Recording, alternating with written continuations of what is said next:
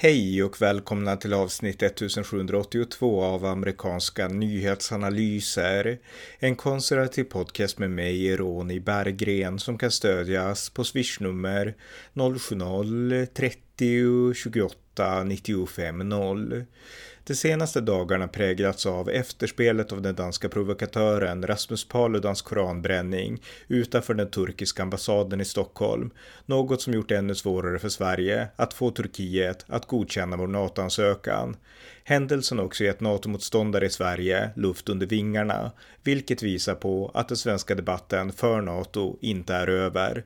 Här samtalar jag med Dag Kirsebom om detta. Varmt välkomna! Dag Kirsebom, välkommen. Tack så mycket Ronny. Vi ska prata om det senaste som ja, har präglat den här debatten om Sveriges väg in mot NATO. Det har hänt väldigt mycket, men jag tänkte bara börja påminna alla som lyssnar om att du, du har varit med i den här podden ganska återkommande och du är en NATO-vän. Och eh, när du växte upp, du är lite, du är några, ett årtionde äldre än mig eller något sånt där. Och eh, när du växte upp på 80-talet, då var det inte helt vanligt att vara för NATO, men du var det. Kan du påminna om det? Ja, nej men på 80-talet så var det ju, det var ju fortfarande Sovjet och eh, Ronald Reagan var president. Och, och, för de som är lite yngre då, eh, eh, eh han ansågs så, eh, ungefär som lika galen som Trump då ur, ur, ett svenskt perspektiv. Så att vara för NATO på, på 80-talet var väldigt extremt. Typ Ja, det gjordes inte ens opinionsundersökningar varför det var så konstigt. Men jag, jag var med i en organisation som hette Ja till NATO på 80-talet och, och stod och delade ut flygblad om det utanför Åhléns på Drottninggatan.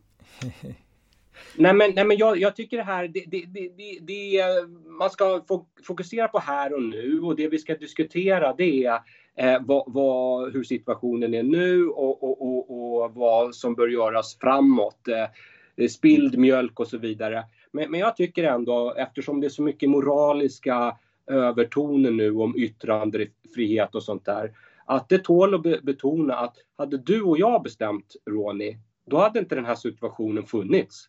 För då hade vi redan varit med i NATO för många år sedan.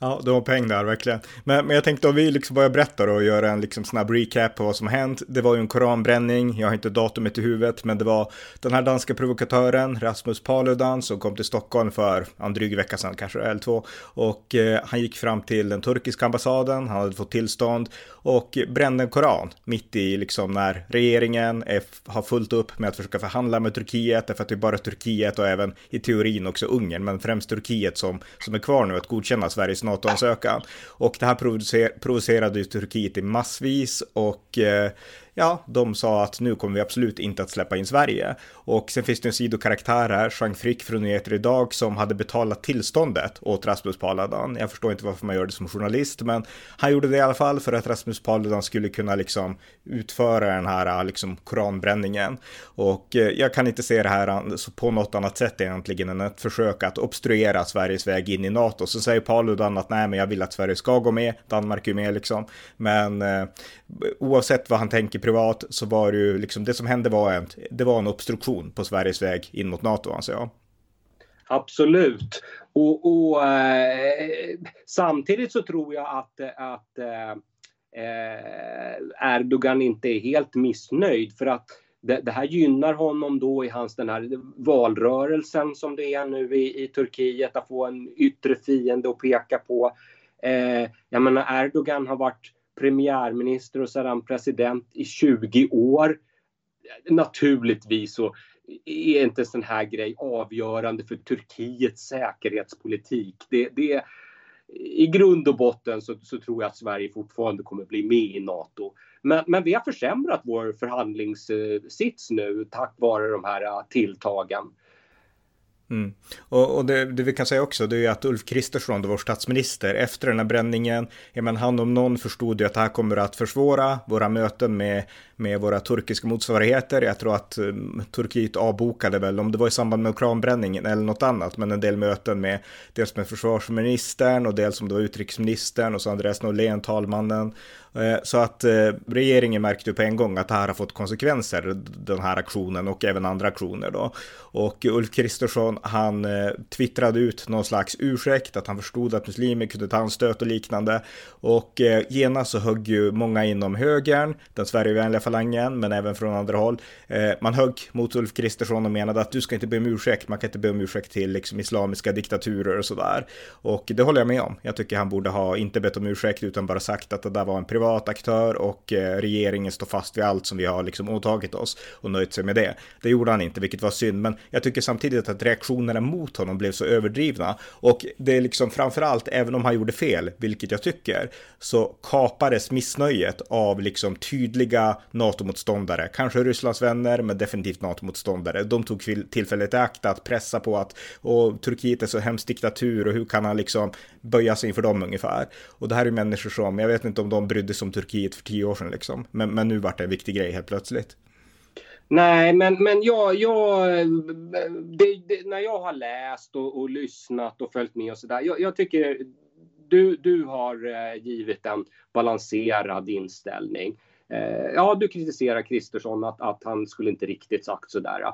Eh, eh, eh, och det tycker jag också. Eh, men, men, men din, din, det, det, som du har skrivit då, det är ungefär att Eh, kan inte vi SD hålla lite låg profil nu? Jag menar, eh, visst, det, det finns principer, men, men, men, det är ett känsligt läge. Så kan vi inte ligga lite lågt nu bara? Det innebär inte att man ger efter för islamism och så vidare. Och, och jag, jag tror du är inne på lite rätt spår där, va? Det är väl möjligtvis eh, Dick Eriksson som är, som är undantaget, men 99 procent av de här människorna som, som, som håller på och klagar om yttrandefrihet och, och kommer med en massa andra konstiga argument som att Ryssland är så svagt just nu och dittan och dattan. Nej, men I grund och botten handlar det om att de är mot Nato. Mm. Och, och, och, då, och, då, och då blir det liksom baklänges argument. Va? Så de, de har varit emot Nato hela sitt vuxna liv och så, och så händer det här med eh, koranbränning och sådär, ja men då, då använder de ju naturligtvis det argumentet. Men det är ju inte någon slutsats som de har kommit till utan det är liksom baklänges argument för att komma fram till det de har tyckt hela tiden, att NATO är dåligt. Mm. Och många av de här, jag menar när du höll på med din aktivism från höger på 80-talet, då var ju NATO-motståndarna vänsterpartister, vi har pratat om det här förut, och eh, de finns väl kvar i viss mån, men de är ju väldigt marginaliserade. Visst, vi har en del invandrargrupper, kurder och liknande. Det var ju först den här dockan av Erdogan som man hängde också, som, som liksom definitivt gjordes från vänster.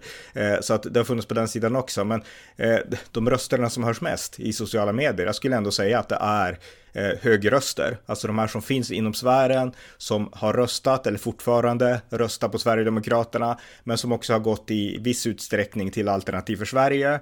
Och eh, Alternativ för Sverige, de går ju på stenhårt nu med att liksom kampanja på mot NATO. De försöker verkligen kapitalisera på det här som har hänt nu och eh, liksom pratar också om hur hemsk Erdogan är och liksom den här bilden av att Erdogan styr NATO och så vidare. Så att eh, eh det jag tycker, och jag skriver också en artikel i Aftonbladet kan jag säga till er som lyssnar som kanske inte vet det, den, 28, den 26 januari, som heter SD måste markera mot sina NATO-sabotörer. Och här skriver jag då att eh, man märker att det finns en undervegetation, alltså inte Sverigedemokraterna som parti, de har ju sagt att de är för NATO och de är för NATO. Men det finns en undervegetation där som är inne i varenda tråd och eh, där man vet att vissa är Sverigedemokrater som pratar ganska högljutt om att vi ska absolut inte vara med i NATO och så vidare. Och SD har inte markerat mot det här utan man har varit helt tysta och eh, tvärtom nästan. Jimmy Åkesson gick ut och kritiserade Ulf Kristersson och eh, vi har haft en del profilerade Sverigedemokrater. Richard Jomshof, han var på eh, SVT häromdagen och sa att yttrandefriheten, den är viktigare än NATO ungefär ungefär. Så att i valet så väljer han yttrandefrihet framför NATO. Eh, som om att de två sakerna liksom stod emot varandra. Och sen har vi Dick Eriksson från Samtiden, eh, Sverigedemokraternas tidning som skrev ett inlägg, en artikel igår, där han förklarade att vi kan inte fjäska för Turkiet och kanske är det, är det inte dags att kanske överväga att liksom dras ur den här liksom ansökan till NATO. Så att det är ungefär där Sverigedemokraterna är, väldigt passiva och nästan så att man börjar på något sätt köra ett race to the bottom för att liksom jag tror att man inser, därför att partiet har ju röstat för att liksom gå med i NATO, men jag tror att man inser också att väljarna är inte med på tåget, att det finns en ansenlig del av väljarna, opinionen, Sveriges opinion är med, men alltså att det finns en andel, ansenlig del av SDs väljare som inte är riktigt med på båten ännu. Eh, så att jag har svårt att tolka liksom SDs passivitet som något annat än ett uttryck för det. vad, vad tänker du om det? Du, du, du, är så insatt Ronny så det blir liksom fem, fem teman på en gång här. Men om jag, om jag går tillbaka till lite det, det första du sa där. Så, så, så kanske det är så att du är ju lite i den här bubblan liksom med, med högerfolk. Va? Så bara för att du ser mest de från höger som är kritiska så kanske det inte är så totalt sett. Va? Det, det, det, det är ju massa människor, vänstermänniskor som är emot NATO också men, men mm. som kanske diskuterar i något forum som inte du är, är involverad i. Va? Eh, eh, men, men det, och, och, och det, det, som jag då kände lite kritik mot eh, Kristersson i den där presskonferensen, det var han liksom vädjade till folk då att, eh, att eh, de, de eh, ska liksom besinna sig och, och, och förstå stundens allvar och sådär. Men problemet är, det, det är ju en rävsax, va? det är moment 22 här. För de här människorna är både på höger och vänster, de ser det ju som win-win. De är både mot NATO och emot Erdogan och då blir det ju liksom, jag, men, jag menar, eh, det, det, det, är ju om de hänger upp en, en eh, upp och nervänd eh, docka på Erdogan, ja men då, då blir Erdogan arg på dem och det är bra. Och så säger Erdogan nu får Sverige inte bli med i NATO och det är också bra. Mm. så, så, du kan inte liksom vädja till dem va? Utan det, det, det enda som går på något sätt tycker jag, försök se, ta ett djupt andetag. Vi blir med stor sannolikhet medlemmar i NATO här ändå om inte allt för länge. Så, så sitt still i båten liksom. Det, det, det är det enda rådet som jag kan komma fram till. Men, men okej, okay, om vi tar det där, det som du avslutade med då, eh, Alternativ för Sverige. Jag, jag ser det lite två delar där va om man ska vara en så här politisk analytiker så, så gör de ju såklart rätt. De fick 0,3 procent och det är ju väldigt mycket fler än 0,3 procent på högerkanten som är mot Nato. Så, så de har ju liksom ett incitament här att försöka få över SD-väljare. Och, och, det är möjligt att de kommer lyckas lite grann också eh, eh, med det. Men, men, men själva deras resonemang är ju helt, eh, alltså det, det, är ju bara fria fantasier. Jag vet inte hur mycket du har satt in i det. Men, men de vill ha någonting som heter en nordisk försvarsallians. Mm. Har, har, ja. Nej, jag känner inte till det så noggrant. Men, mm. alltså det, det, okej, lite historielektion här nu då. Efter andra världskriget, då var det där med nordisk försvarsallians, det var uppe för diskussion eh, mellan regeringarna då, då, i Sverige och Norge och, och, och sådär. Eh, Danmark och Finland. Eh, eh, men, men 1949 så satte, när NATO bildades, då, då satte Danmark och Norge ner foten. Liksom. Nej, men vi, vi väljer NATO. Så det, ni kan glömma det där med nordisk försvarsallians. Ja, och då var det ju Sverige och Finland kvar då. Men, men Finland blev ju tving, intvingade i den här vänskaps Eh, pakten med Sovjetunionen. Mm. Så då blev det ju bara Sverige kvar där och vi var neutrala. ja. men, men det här tanken på den där eh, nordiska försvarsalliansen, det, det liksom funnits där hos sossarna alla de här åren. De har inte drivit eller något så, va? men det tänkandet har funnits kvar där. Mm. Och det spreds ju sen liksom till SD, för SD också håller på att prata om det där med nordisk allians och bla bla bla. Men, men, men saken är, nu har ju ändå SD och sossarna Eh, Eh, ja, eh, de har ju liksom insett eh, verkligheten och, och, och, lagt ner det där snacket och, och eh, de är ju för NATO och sådär. Men Alternativ för Sverige, de är sen, sen, sen hade vi ju, om jag bara får skjuta in det, ja, sen hade vi ju, alltså SD, det var ju ända fram till kriget bröt ut förra året som de höll på att prata om NATO-optionen, alltså det här som Finland väldigt snabbt har kastat av sig, alltså en leg, förlegad rest från kalla kriget. SD ja. höll fast vid det, det var det här balans mellan stormakterna, sen släppte man det totalt tvärt och det var ingen djup debatt om det, det släpptes bara ungefär. Men man ja. hade ju ändå kvar lite av tankegodset, men såklart inte lika så här stenhårt som i Alternativ för Sverige nu som är helt... Nej, men, men, men ja. sossarna var på samma nivå alltså Ronny. Mm. Stefan Löfven, han var ju förvisso inte statsminister då, men han höll på där precis, jag tror till och med precis innan kriget började och, och, och babbla om Sverige och Finland som fria ytor. Mm. Du, du, ja. det går knappt att kommentera alltså. Men, men så det där alternativ för Sverige, du, du, vet Nordisk allians och då skulle alltså Danmark och, och Norge gå, gå ur NATO för, för att bli, ha en allians med Sverige. för, att ha, för, att ha, för att ha en allians med alternativ för Sverige. ja. ja. ja. Ungefär så. Mm. Ja, nej men alltså, nej men alltså inget snack om att alla partier har gjort fel och eh, i princip alla egentligen. Det finns ju också tydliga NATO-partier, men eh, alla har gjort fel i många avseenden. Nu är vi här och just i det här skedet så tycker jag ändå att SD är det parti som har mest. Eh, de behöver step up liksom och visa ledarskap. Alltså de måste ja. våga på något sätt. För jag tror precis som du, vi kommer att komma med i NATO. Jag tror också att sitta still i båten är på ett sätt vettigt därför att det är ju det här kommer att gå, liksom processen kommer att lösa sig själv. Det tror jag på. Något annat har jag inte liksom trott heller. Eh, och koranbränningen kommer inte på sikt att förändra liksom det faktum att realpolitiken är att Turkiet är beroende av väst och USA är starkast i NATO och USA vill att Sverige går med. Så att jag tror att det kommer att spela ut sig själv. Men samtidigt så, det här var ett försök till sabotage och eh, jag tror att det skadar SD och att SD nu hellre vill föra över debatten till en debatt om islam och yttrandefrihet. Det tycker ja. jag verkligen är att inte visa ledarskap ledarskap och att missa Exakt. målet lite grann. Exakt. Det, det, det är så här, förmodligen så, så gynnas SD av att prata så där i, i nästa opinionsmätning. Kanske eh, opinionsmätningen om tre månader också. Men det är inte stats, statsmannamässigt alltså. Det, det är inte, inte i Sveriges intressen att, att äh, äh, spetsa till äh, diskussionen just nu. Nej, för det för oss till, liksom, bara för att avrunda med liksom huvudkärnan här, det är ändå att Sverige är, eller om vi börjar med Europa, Europa är hotat av Ryssland. Ryssland mm. är en imperiemakt, det går liksom, ingen kan blunda för det längre. Ryssland är imperiemakt, de har invaderat Ukraina, du har varit i Ukraina ofta och sett liksom landet. Och eh, Ryssland är även ett hot mot Sverige. Och att vi inte pratar om Ryssland som ett hot mot Sverige idag, det beror ju bara på att NATO, USA, Storbritannien och NATO-länderna har gett Ukraina så mycket stöd att de har lyckats mala ner det ryska krigsmaskineriet. Men jag har backat ja. år, då var alla jätterädda, men även jag gick och tänkte, tänk om det kommer kärnvapen liksom. Och många kände ändå en viss fruktan, för att det som hände där, tänk om det händer här. Och det var ju ja. det som svängde opinionen. Jag menar, om vi inte hade varit rädda hade inte NATO-opinionen svängt i Sverige ja. från nej till ja. Så att, jag menar, det, det, är väldigt kortsiktigt att på något sätt nu bara börja prata om yttrandefrihet istället, eller att islam är ett större hot liksom, eh, eller islamism som de säger då. Ja. Så att jag menar, det är ju...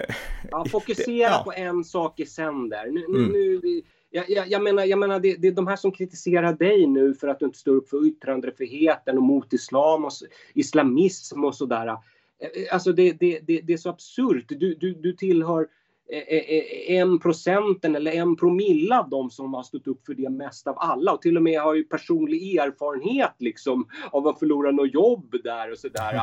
Och, och, så, och, så, och så liksom bara för du säger så här, men nu tar vi det lite lugnt och, och sitter still i båten och så. Här, det, det, det, proportionerna är helt absurda alltså. Ja, lite kort om det. För det, alltså jag skrev en artikel då som jag nämnde i Aftonbladet och så har jag skrivit lite liknande texter på Facebook och så. Och då kom det en rad människor som tyckte att hur kan du liksom krypa för Turkiet? Ska vi verkligen göra som Turkiet säger? Och där är ju svaret nej. Alltså vi ska kunna smäda islam. Jag har liksom försvarat varenda liksom koranbränningar, jag har försvarat eh, alltså, mm, liksom Mohammed-karikatyrerna, Lars Vilkurt, Westergaard och många andra. De här är i USA, Pamela Geller och så vidare. Och eh, jag är ju som inne i den miljön till och med, country miljön Så att, och har varit det i 20 års tid. Så att jag menar, jag har försvarat allt det där. Men jag tänker att den här bränningen vid Turkiets ambassad just nu, det handlar inte liksom om rätten att smäda islam, utan det handlar bara om att obstruera den svenska regeringspolitiken, obstruktion. Och eh, det är ett av de mest känsliga säkerhetspolitiska lägena liksom någonsin nästan. Så att eh, det var liksom det som var min poäng här. Ja. Eh, ja. Men poäng, problemet är då som jag säger att det är moment 22 därför att de här människorna de vill obstruera. Det, det, det vad de eh, vill åstadkomma plus att de vill smäda Turkiet, vill smäda islam och obstruera NATO-ansökan. Så det, det, det, det, liksom, jag, jag, jag är inte avundsjuk på, på eh, Ulf Kristersson för närvarande. Det, det, det är ett mycket besvärligt läge. Mm. Eh, eh, ja. men, men, han gjorde en bra sak, Ulf Kristersson. Dels så höll han, han höll på ett tal på Folk och Försvar där han var glasklar om hur farligt hot Ryssland var. Och sen efter den här liksom halvdana ursäkten till Tur Turkiet så höll han ju en ny presskonferens där han sa ändå att vår stora prioritet det är att komma med i NATO och han förklarade tydligt att det här, vi måste komma ihåg att det här är det största hotet mot Europa sedan andra världskriget. Så att han blev ju glasklar på ett tydligt sätt. Och så tydlig har liksom inte SD varit. Jag menar, den här inställning nu när man är passiva till NATO, eh, liksom passivt för, men passiviteten måste ändå betonas. Den eh, visar ju att man har ju inte samma instinktiva förståelse för det här stora hotet. Alltså man har inte tänkt på det tidigare eh, och inte varit inne på banan. Jag tänkte också den här texten då av Dick Eriksson som vi var inne på. Han skrev lite grann, han tyckte att liksom han var besviken på NATO, att NATO-länderna inte stod upp för Sverige nu, nu när hela den islamiska världen hatar Sverige på grund av den här koranbränningen. Varför står inte NATO upp för oss mer, tänkte han, och vill vi verkligen vara med i en organisation som inte liksom backar upp liksom våra demokratiska rättigheter, alltså rätten att bränna en koran, eh, liksom just i det här skedet. Nej, men de, de sitter still i båten. Det, det, det är klart, någonstans så finns ju en punkt där, där eh, eh, eh, eh, ja, USA måste säga till på skarpen. Men vi har inte nått den punkten ännu. Vi får ju ändå ha lite perspektiv här att den här ansökan för Sverige och Finland so far har varit mycket snabbare än för massa andra länder. Så, så jag menar, det, det är ju det där NATO-toppmötet. Turkiet har ett val i maj och sen ett NATO-toppmöte i juli. Så lite fram tills dess så gäller den här att sitta still i båten-strategin. Mm. Om det fortfarande är problem då, ja, men då är jag med lite på. Då kan man börja kritisera andra NATO-länder för att de inte är, Eh, säger till Turkiet på skarpen och, och så vidare. Va? Men, men eh, jag tycker Dick Eriksson får, får faktiskt ta ett djupt andetag här och lugna ner sig lite. Och sen tänker jag en sak till också, de här nu som Richard Jomshof som har använt yttrandefriheten som argument, alltså att man ställer emot NATO. Jag menar, ja. yttrandefrihet, jag är helt för, alltså rätten att smäda religion, rätten att bränna Koranen och så, jag menar i Sverige är vi det, men titta på många länder ute i Europa, i Polen, de har förbud mot liksom religiöst, liksom att man nedvärderar det katolska. Eh, det finns i andra europeiska länder också. Tyskland, där får man inte hejla, Sieg Heil, det är förbjudet, då får du en böter. Och eh, jag menar, jag antar att många olika länder har sådana här liksom regler lagar och kanske mer i vissa länder i Östeuropa. Just Ukraina vet jag inte, men jag förmodar i alla fall att det är liksom lite mer. Jag menar, Sverige är ju ett av de mest liberala länderna i världen när det gäller rätten att smäda religion. Men det betyder liksom inte att Polen eller att Tyskland eller att England eller att Irland till exempel är på något sätt diktaturer eller liksom liknar Sovjetunionen eller Nazityskland. Så jag menar, man blandar verkligen ihop korten när man säger att har vi liksom NATO eller yttrandefrihet och så menar man att med yttrandefriheten innebär rätten att smäda islam och bränna en koran vid exakt fel tillfälle. Trots att de sakerna förmodligen skulle vara mer begränsade, inte kanske koranen, men liksom något katolskt i andra europeiska länder. Så att jag menar, det är verkligen att se saken oerhört snävt. Eh, och ur det här liksom, det är som att säga att Sverige, vi är den ultimata perfekta demokratin och alla andra som inte har vår syn på yttrandefrihet, de är liksom inte riktiga demokratier. Det blir ju lite så. Mm, mm. Nej, men jag, jag, undrar om inte du har sagt det vid något tillfälle också, men, men jag har väl inte, inte tänkt igenom det sådär jättenoggrant, men, men jag, jag har funderat i, i termer av tidigare redan att vore det inte bra om eh, Nato kastade ut Turkiet? Alltså då talar jag om ja, något som jag har funderat på för flera år sedan. Mm. Vore det inte bra om Turk Nato kastade ut Turkiet och tog in Ukraina istället?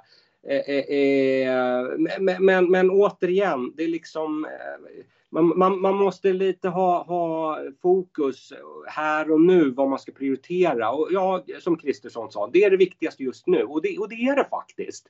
Du, du, du, får lite lägga andra saker åt sidan då för tillfället. Som, som jag sa, låt oss åtminstone vänta till det här äh, NATO-toppmötet i juli innan vi blir jätteupprörda.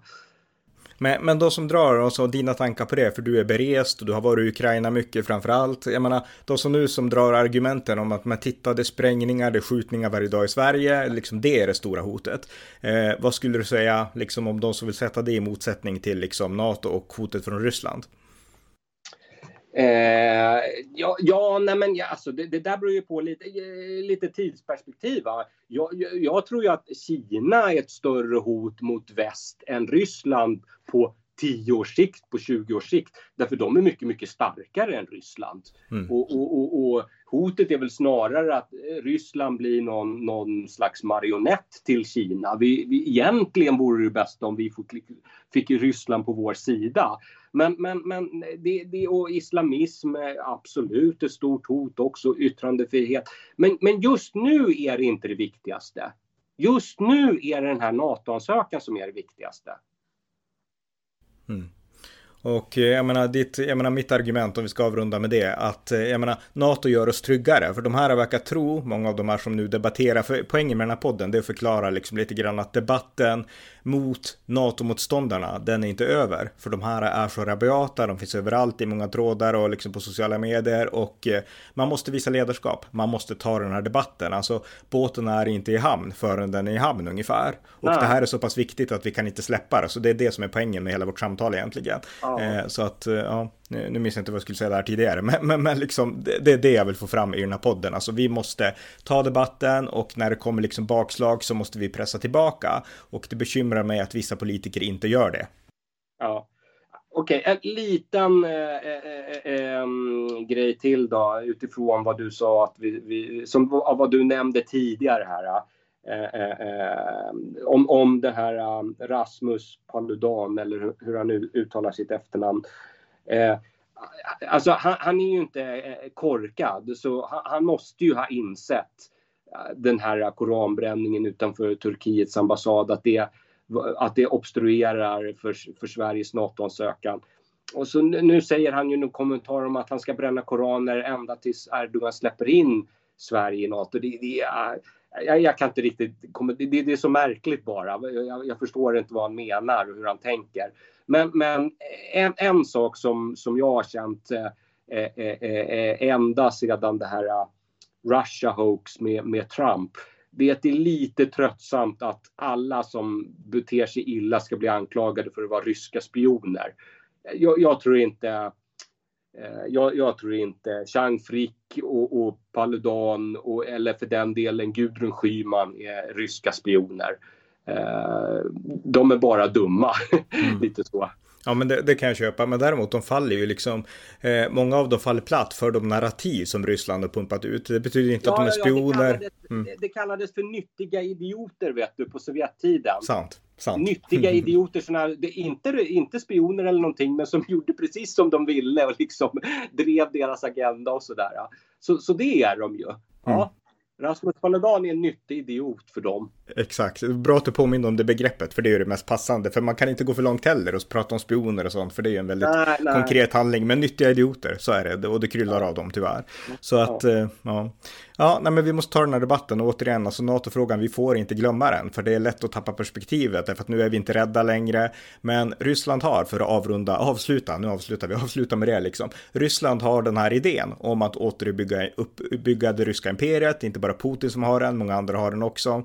Och bara för att det går dåligt militärt så innebär inte det att ryssarna kommer att släppa den här fantasin om ett återupprättat ryskt imperium. Och det innebär att ryssarna kommer att försöka igen när de har återupprustat om 10-15 år. Och vi kan inte liksom försöka gå med i NATO i sista sekund, utan det här är en unik historisk chans som vi har fått nu och vi måste ta den. Och gör vi ja. inte det så sviker vi framtida generationer. Och det är liksom ja. det som har kommit bort, trollats bort i den här debatten tycker jag. Och det är det jag vill påminna om i den här podden. Bra Ronny. Ja, okej, okay, men tack Dag. Så... Ja, tack själv. Tack för att ni har lyssnat på amerikanska nyhetsanalyser som kan stödjas på swishnummer 070-30 28 95 0 eller via hemsidan på Paypal, Patreon eller bankkonto.